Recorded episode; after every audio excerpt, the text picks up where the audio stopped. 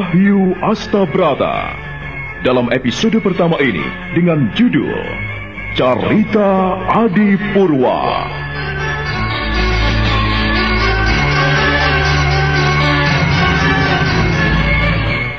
Pada seri yang ketiga didukung oleh para pemain Aris sebagai Raden Mas Jolang, Wit Hendra sebagai Pangeran Mangkubumi, Hari Akik sebagai Adipati Mondoroko, Rusli sebagai Pangeran Puger, Edi Dosa sebagai Pangeran Joyorogo, dan Asdi Suhastra, pembawa cerita. Selamat menikmati.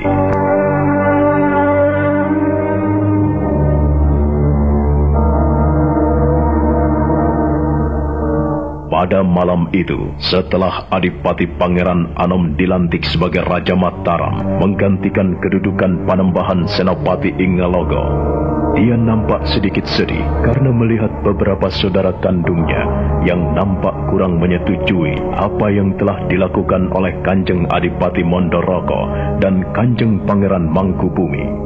Dalam pesta perayaan itu, dia mendengarkan sepenuhnya apa yang diwejangkan oleh Kanjeng Adipati Mondorogo dan Kanjeng Pangeran Mangkubumi.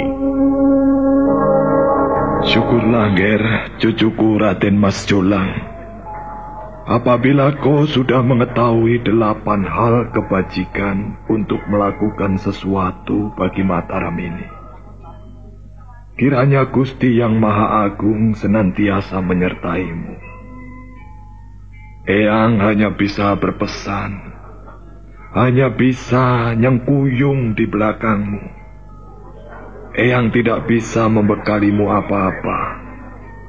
Kau harus bisa seperti ayahmu almarhum.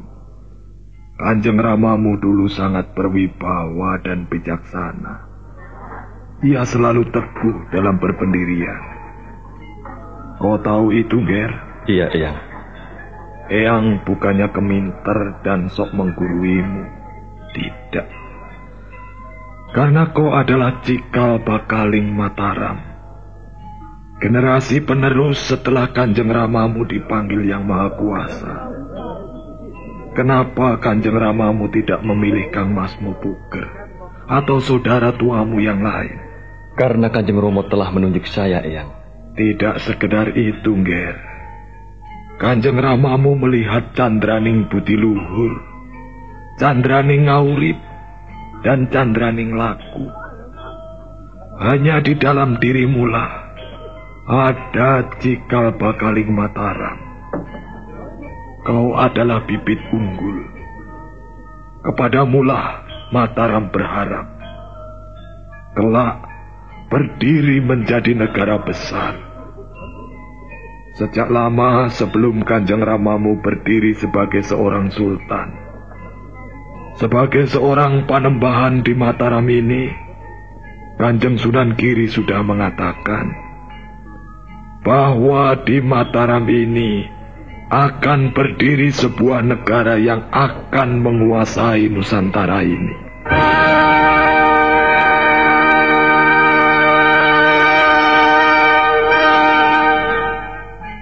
Nubuat, Eyang?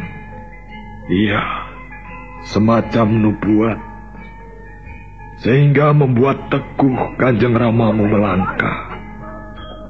Atas dasar itulah, Kanjeng Ramamu tidak pernah ragu-ragu dalam melakukan tugasnya sebagai seorang pemimpin, sebagai seorang raja, sebagai seorang pengayom, sebagai seorang pemuka.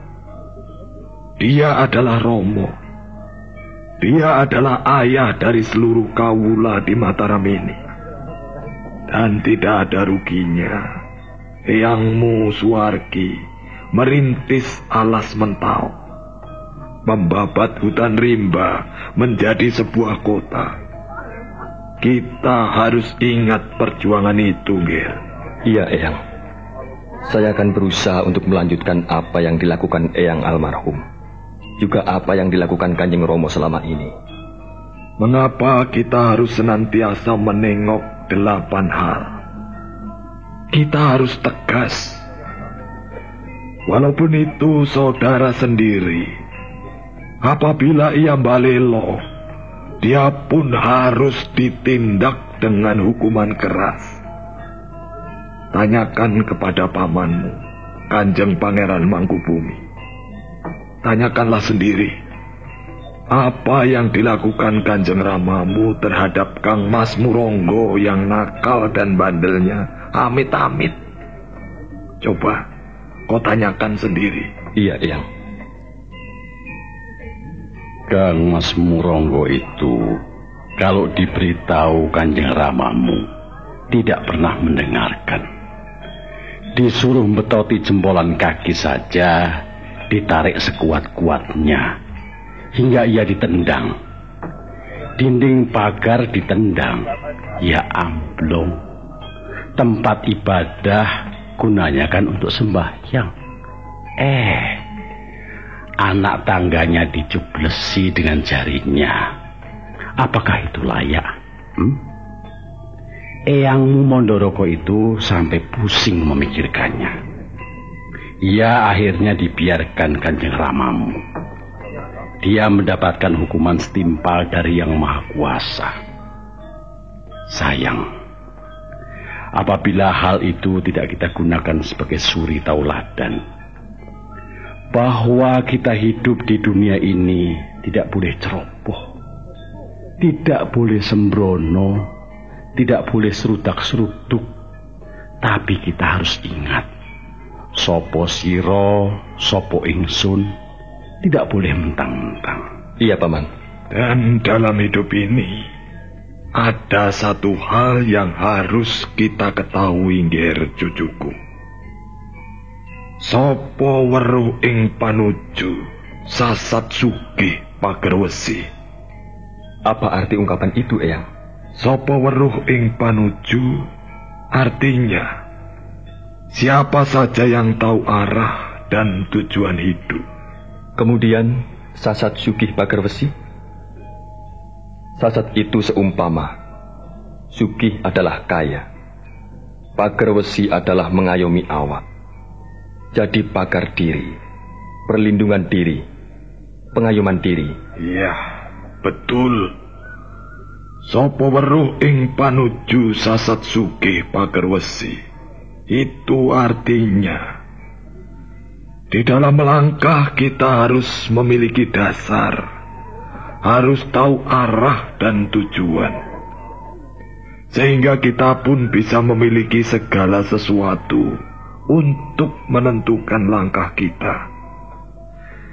Uh, seumpama kalau kita hendak bepergian jauh sekali, atau akan pergi ke puncak gunung, kita harus membawa peralatan yang cukup karena sebelum sampai ke puncak gunung itu, kita harus berjalan melalui lereng-lereng, melalui hutan dan rimba, melalui tebing-tebing yang curam.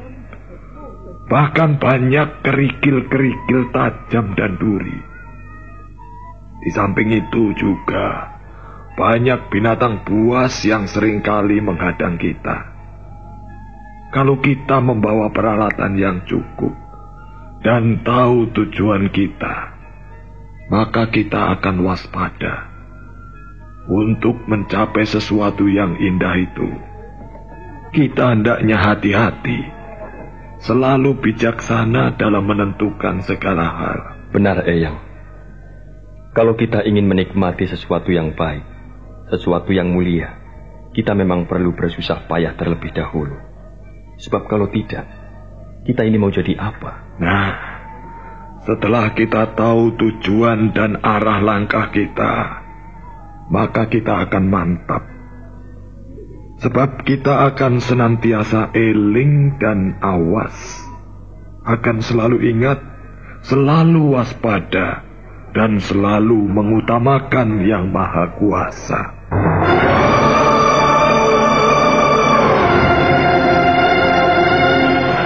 Raden Mas Jolang atau Pangeran Adipati Anom yang sekarang bergelar sebagai Panembahan Mataram itu kini nampak tenang sekali.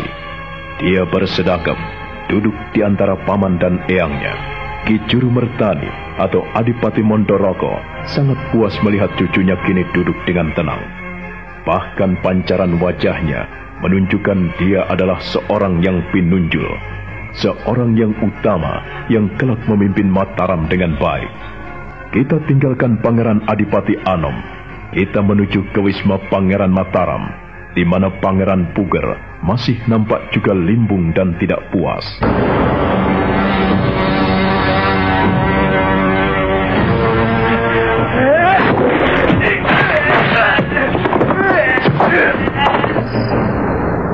Mas Jolang, Mas Jolang, semua berpihak kepadamu, semua menunjukmu dan melindungimu.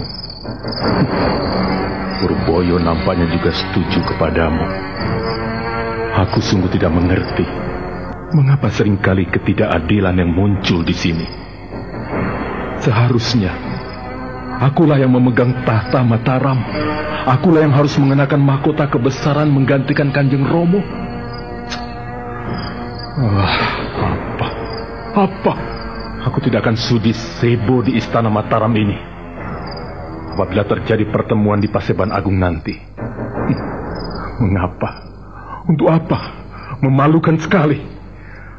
Aku ini saudara tuanya, tetapi duduk di bawah kakinya, bersujud di kakinya. Eh?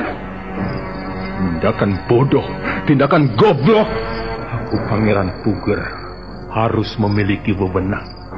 Harus memiliki kedudukan yang lebih layak. Aku pun harus punya kekuasaan. Tetapi Eyang Mondoroko kenapa berpihak pada adik Jolang? Apalagi Paman Mangkubumi. Seperti tidak mau melihat diriku.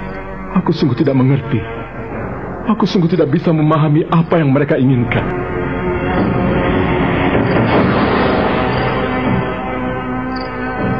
Kau belum tidur, Kakang. Ah, kau Adi Joyorogo. Ada apa? Kau pun nampaknya tidak bisa tidur. Kau masih juga belum puas, Kakang Puger. Untuk apa menyesali sesuatu yang sudah terjadi? Apa yang sudah dikatakan Kanjeng Romo almarhum tidak bisa diganggu gugat, Kakang. Sudahlah, kau tidak perlu menyesali keputusan Kanjeng Romo almarhum. Kita harus menghargai beliau. Kita harus menghormatinya. Joyorogo, kau tidak mengerti apa yang telah terjadi. Aku yakin ada pihak-pihak yang tidak menyukai aku. Aku justru curiga pada Eyang Mondoroko. Kakang, hati-hati kau. Apakah selama ini aku kurang hati-hati, Joyorogo? Aku ini dianggap apa? Aku ini Pangeran Puger. Kang Masmu yang paling tua setelah almarhum Kang Mas Ronggo. Kalau Kang Mas Ronggo telah tiada, akulah yang berhak memegang kekuasaan di sini. Bukan Raden Mas Jolang. Adik Jolang itu kan masih mentah. Ah, aku jadi tidak mengerti dan aku kurang bisa menerima hal ini. Aku mengerti, Kakang. Aku sebetulnya juga tidak setuju. Aku juga ingin memilih kau. Tetapi apa boleh buat? Keputusan almarhum Kanjeng Romo adalah hukum. Dia adalah wakil yang maha kuasa, yang berhak menentukan dan memilih, Kakang. Kau tidak boleh menutup mata. Apabila kau selama ini tidak puas, kau tidak mau menerima, pendamlah dulu dalam hati. Ya, setidak-tidaknya, agar di dalam masa berkabung, tidak ada yang mencurigai kita. Siapa yang berani mencurigaiku? Huh? Siapa? Eyang Mondoroko atau Pak Ale Mangkubumi? Hmm? Aku tidak peduli. Kalau memang mereka mencurigai aku, Pangeran Puger akan menjawabnya. Ya, tapi nyatanya, dalam pelantikan Adi Jolang kau tidak berani bicara sedikit pun. Apa kau bilang Joyorogo? Aku tidak berani? Iya, kau tidak berani, kakak. Oh, bukannya aku tidak berani, Joyorogo. Tetapi aku menjaga diri. Aku tidak ingin mempermalukan Paman Mangkubumi dan Eyang Mondoroko di depan umum. Di depan para pembesar istana Mataram ini dan para bawahan, para bupati, dan para tumenggung. Juga para demang. Dan semua pembesar Mataram hadir di sini. Aku tidak mau berbuat bodoh. Kalau Kakang Puger tidak mau dikatakan berbuat bodoh, ya sudah Kakang, pendam saja dalam hati. Kalau Kakang memang tidak setuju, ya sudah. Jangan marah-marah di depanku. Aku tidak punya hak dan wewenang, Kakang. Kalau kau ingin protes, kalau ingin menuntut keadilan dan kebenaran, bilang saja pada Eyang Mondoroko. Usul saja pada Pak Lik Mangkubumi. Hah, kau ini aneh. Kau terlambat, Kakang. Kau telat. Percuma. Sesuatu yang terlambat itu kesia-siaan, Kakang. Di sini kita harus prigel, terengginas, cepat dan cerdik. Dan nampaknya kita memang kalah, Kakang.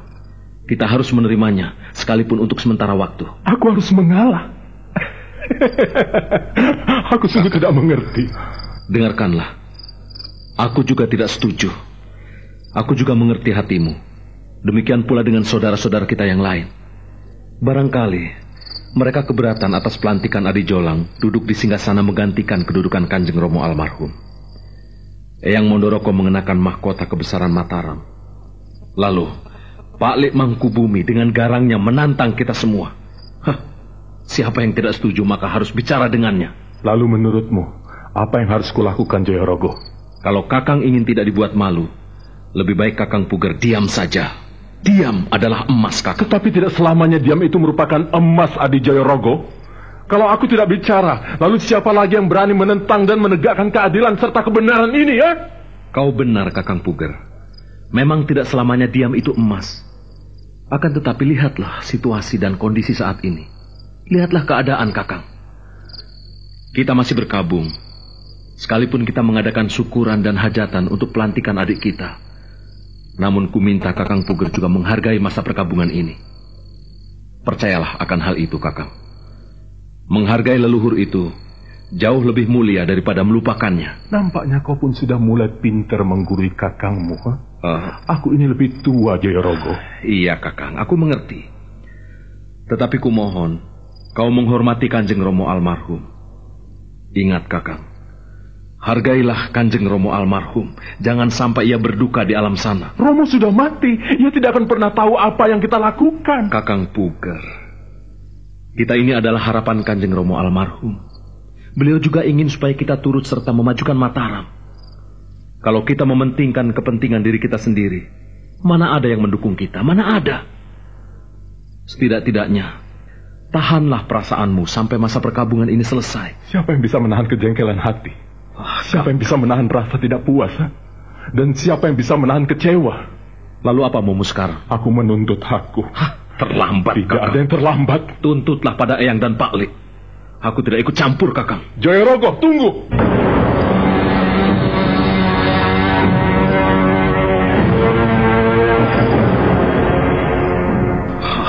Tidak ada lagi yang perlu dibicarakan, Kakang. Aku tidak mau terjadi masalah di hari perkabungan ini. Jika kau ingin menuntut, aku tidak ikut campur, Kakang. Mengapa kau bodoh sekali, Jayorogo? Iya, iya, mungkin aku bodoh. Tetapi aku tidak mau dihukum gantung dan dipermalukan di tengah alun-alun.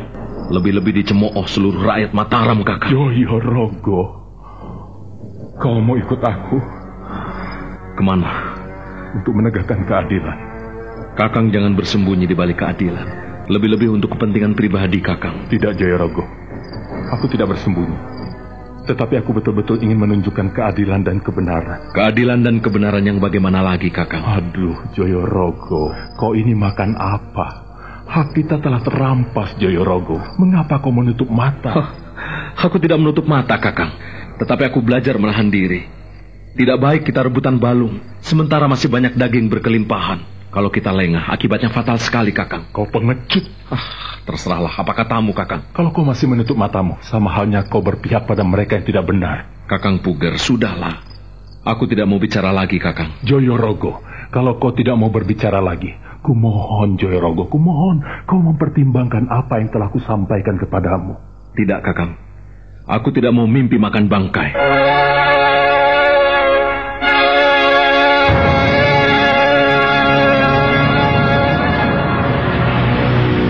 Pangeran Jayorogo berusaha menenangkan hati kakak kandungnya. Dia benar-benar sedih sekali karena Pangeran Puger menyimpan api dan bara dendam. Sekalipun Pangeran Jayorogo juga sedih dan kurang setuju dengan apa yang telah terjadi di Istana Mataram. Namun dia memendamnya dalam hatinya yang paling dalam. Sebab bagaimanapun juga, hari itu adalah masih masa berkabung di mana Panembahan Senopati telah dipanggil oleh Yang Maha Kuasa. Tetapi kemarahan Pangeran Puger tidak bisa dipendam lagi. Maka Pangeran Puger mengepalkan kedua tangannya dan giginya terdengar gemeretan. Matanya melotot memandang adiknya.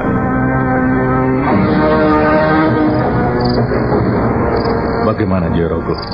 Apakah kau tidak mengizinkan bila aku marah untuk meluruskan keadilan, untuk meluruskan kebenaran, bahwa akulah sebenarnya yang paling berhak untuk menduduki tahta Mataram? Iya, Kakang, aku mengerti, aku tahu. Akan tetapi bukankah semuanya sudah terjadi, Kakang? Jadi kau tidak perlu membenarkan dirimu. Kau tidak perlu membela dirimu, Kakang. Jadi kau juga menyalahkan aku, Jayorogo? Tidak. Aku tidak menyalahkanmu. Kakang Puger kan sudah tahu semuanya. Semuanya telah terjadi. Apabila Kakang tidak setuju, sudahlah. Kita simpan saja. Ingat, Kakang. Yang kurang menyetujui hal ini, mungkin hanya kita berdua. Atau diam-diam juga banyak pembesar, juga kerabat lain tidak menyetujui pelantikan Adi Jolang. Tetapi rasanya tidak sopan apabila kita menggugat pada saat Kanjeng Romo baru saja beberapa hari dimakamkan. Aku tidak ingin, Kakang, arwah Kanjeng Romo tidak tentram di alam sana. Kau jangan mengikut campurkan orang yang sudah mati Adi Jayorogo. Orang yang sudah mati sudah punya alamnya sendiri. Dia diam dalam dunianya sendiri. Ia tidak mungkin tahu dengan apa yang kita lakukan di sini. Dia sudah mati, sudah tertimbun oleh tanah. Kakang Puger, kalau kau bersikap seperti itu, aku juga menentangmu, Kakang. Jadi kau menentang aku, Jayorogo? Tidak, Kakang.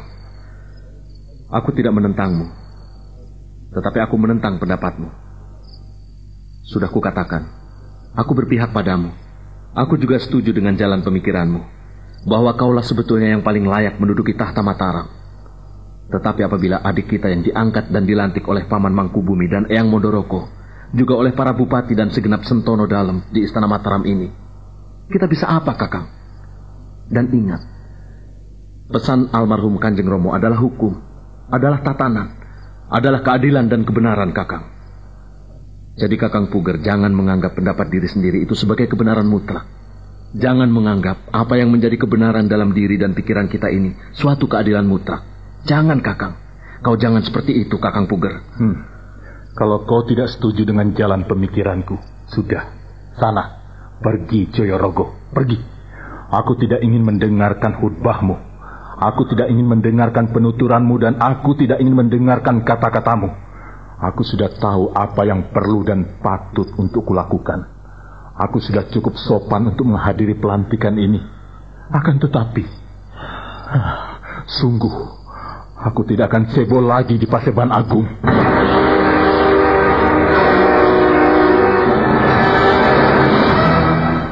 Pangeran Puger meninggalkan Pangeran Jayorogo, adiknya. Dia betul-betul kesal dan marah sekali.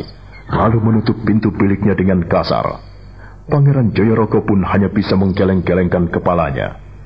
Dia sedih sekaligus maskul, sebab dia juga merasa diremehkan dan sakit hati. Pangeran Jayorogo ikut merasakan betapa getir hati kakang masnya.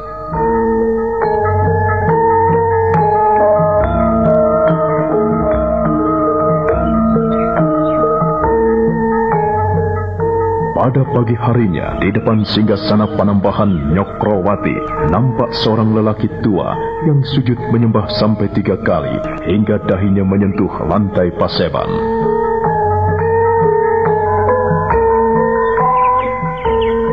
Kiwulung, ada apa kau menghadapku kemari? Hari masih terlalu pagi dan aku tidak memanggilmu. Kanjeng Sinuwun, saya mohon diri. Apa Kiwulung? Apakah aku tidak salah dengar?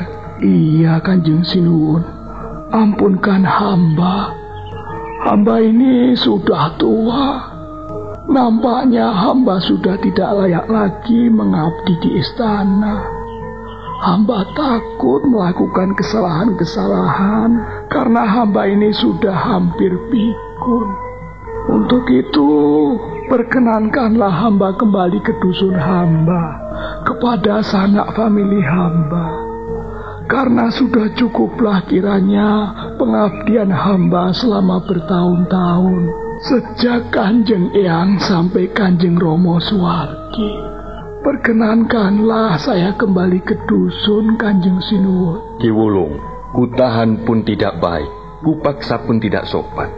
Baiklah, sebagai sang noto di sini, aku terpaksa meluluskan permintaan. Sekalipun sebetulnya kami masih membutuhkan pemikiran-pemikiranmu. Kau adalah abdi dalam yang setia di Mataram ini. Kau setia ikut Eyang Pemanahan. Dan kau setia sekali ketika Kanjeng Romo Senopati, Gulowentah Mataram, berkuasa di Mataram. Kau tidak pernah mengabaikan perintah-perintah beliau. Baiklah, kalau kau berkeinginan untuk kembali ke Karanganyar, aku izinkan.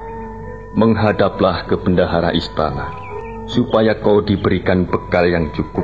Bekal itu bukanlah suatu upah dan timbal balik dari apa yang kau lakukan di sini, tetapi hanya sekedar sangu. Aku tidak bisa memberikan apa-apa, Ki Wulung, tetapi terimalah rasa hormat dan terima kasihku kepadamu atas segala pengabdianmu selama ini. Selama Eyang dan Kanjeng Romo menjadi pemuka di Mataram ini. Kau ikut babat alas mentau dan kau pun mengikuti apa yang telah dilakukan Kanjeng Romo di Mataram ini. Hingga Mataram berdiri dengan gagah dan besar. Oh, terima kasih atas perhatian Kanjeng Sinuwun. Hamba berjanji akan menyuruh Wareh Sebo menghadap Kanjeng Sinuwun. Ah, hamba mohon pamit. Hamba mohon diri Kanjeng Sinuwun. Baik. Kedatangan anakmu, Siwari, kutunggu. Segeralah kau suruh ke istana. Uh, untuk itu, jangan lupa, kau harus menghadap ke bendahara istana. Kiwulung? Hamba kanjeng Sinuwun. Terimalah ini, pemberianku pribadi. Oh, terima kasih kanjeng Sinuwun. Dan ini, pemberian penghargaan dari Istana Mataram. Pemerintah Mataram mengucapkan terima kasih atas segala pengabdianmu. Kau adalah seorang prajurit sejati yang telah menunjukkan segala pengabdianmu. Lencana emas ini menjadi kenang-kenangan. Barang yang tiada berharga ini, janganlah kau lihat harganya. Akan tetapi apa yang ada di balik benda ini, suatu penghormatan, suatu pemberian nama mulia atas segala jasa-jasamu. Mungkin apabila dibandingkan dengan harta benda, pengabdianmu itu tidak bisa diukur, Ki Wulung. Akan tetapi rasa terima kasih dan hormat, sekaligus junjungan tinggi apa yang telah kau lakukan di sini kepada seluruh rakyat Mataram. Dan atas nama pemerintah Mataram, aku mengucapkan banyak terima kasih kepadamu. Terimalah lencana ini. Ah, terima kasih Kanjeng Sinuwun, terima kasih. Ki Wulung menghaturkan sembah sampai tiga kali setelah menerima lencana dan kenang-kenangan pemberian Sultan Mataram. Pangeran Adipati Anom, penguasa Mataram utama itu, begitu terenyuh memperhatikan Ki Wulung yang selama ini setia kepada pemerintah Mataram sejak Ki Gede Pemanahan membuka alas Mentauk menjadi kota Mataram.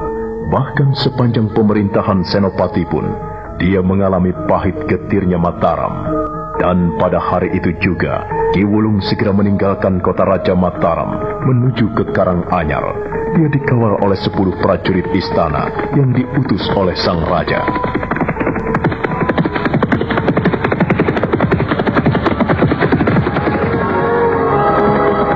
Debu mengepul di belakang sepuluh ekor kuda yang mengelilingi Wulung. Ki Wulung pun mendapatkan seekor kuda hitam. Dia mengendarai kuda itu dengan kencang sekali karena sudah lama merindukan kampung halamannya. Dia tinggal di dusun Karanganyar, tak jauh dari pantai utara Jawa.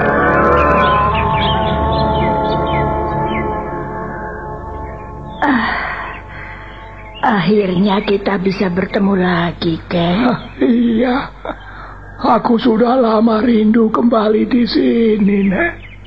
Aku ingin melihat anak cucuku. Bagaimana mereka? Hah? Di mana Wari? Mereka nampak baik-baik sekali. Cucumu juga sudah besar. Dia sudah berumur 10 tahun. Oh. Dia ada di sini, Ke. Oh, di mana? Di mana dia, Nek? Ah, Sukmo! Sukmo! Sukmo! Kakek pulang, nak. Sukmo! Ya, Kek. Aku di sini. sini, Ger. Kakek pulang membawa oleh-oleh. Hmm. Itu apa, Kek? Untukku ya, Kek? Oh. Ini bukan mainan, Sukmo. Tetapi baiklah. Ini bisa kau simpan baik-baik. Simpan yang rapi. Ini adalah lencana dari Kanjeng Sinuwun. Hah? Apa itu lencana, Kek? Lencana itu tanda penghargaan dari Kanjeng Sinuwun Panembahan Nyokrowati. kakek mendapat hadiah dari sang raja. Oh, iya, iya. Ini adalah hadiah dari sang raja. Hadiah dari Kajeng Sinuwun yang harus kakek simpan sebaik-baiknya. Namun, penghargaan kakek ini kuserahkan kepadamu sebagai tanda mata dan kenang-kenangan dari kakek. Siapa tahu, kelak kau jadi Manggolo Yudo, Sukmo. Manggolo Yudo? Hah? Apa itu, kek? Manggolo Yudo adalah seorang panglima perang. Panglima perang? Ih, wah, aku tidak mau berperang, kek. Aku takut. Hah? Takut, Sukmo? Untuk apa takut? Oh, kau bandel sekali. Menurut cerita nenekmu, kau selalu melawan bapak dan ibumu. Hmm? Tidak. Sukmo tidak pernah nakal. Sukmo tidak pernah bandel. Tetapi Sukmo penurut. Tanya saja, bapak dan ibu masih ada?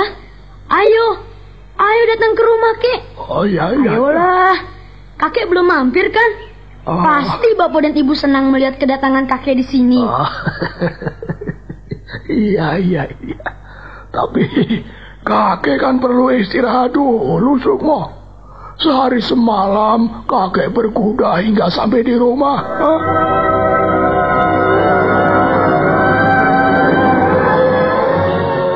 Istana Mataram itu jauh sekali ya, Kek. Iya, istana Mataram itu jauh sekali. Kalau kita naik kuda, ya sehari semalam. Kek, kuda kakek itu biar untuk Sukmo saja ya. Oh, Sukmo, Sukmo.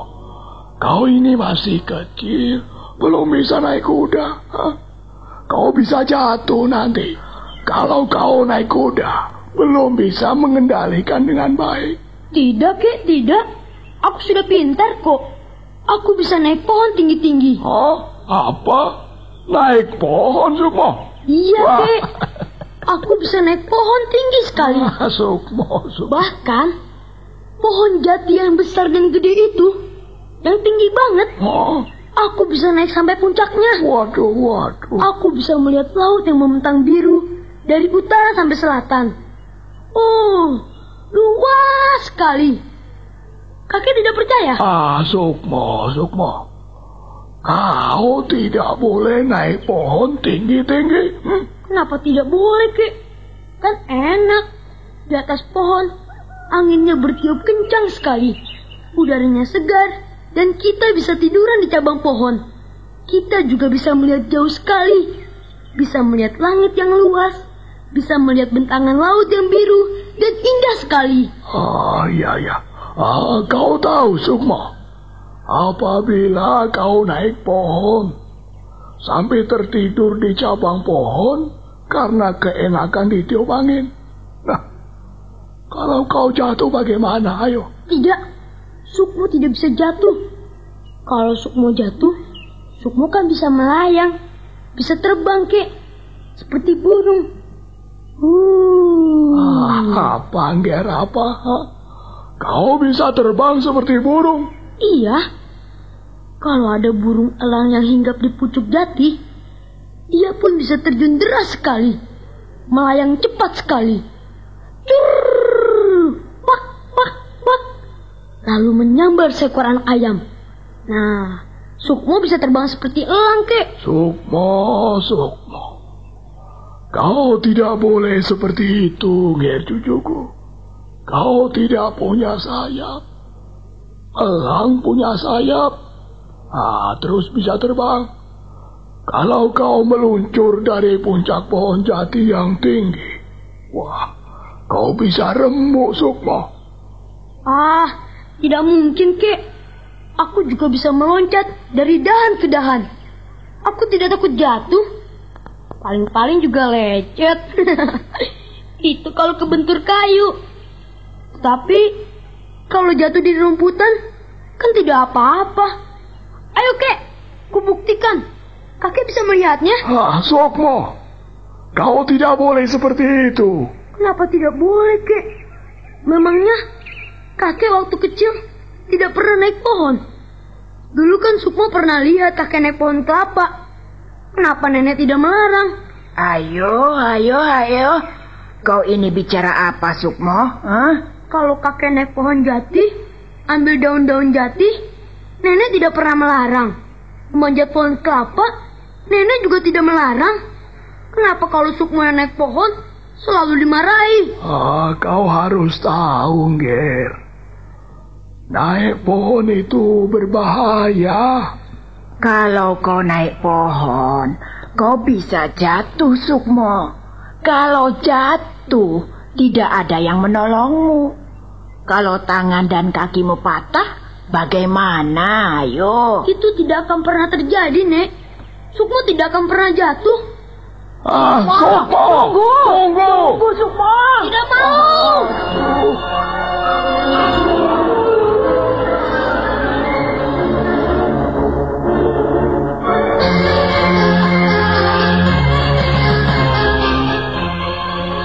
Terus berlari sambil membawa lencana dari kakeknya. Dia terus berlari meninggalkan rumah kakeknya.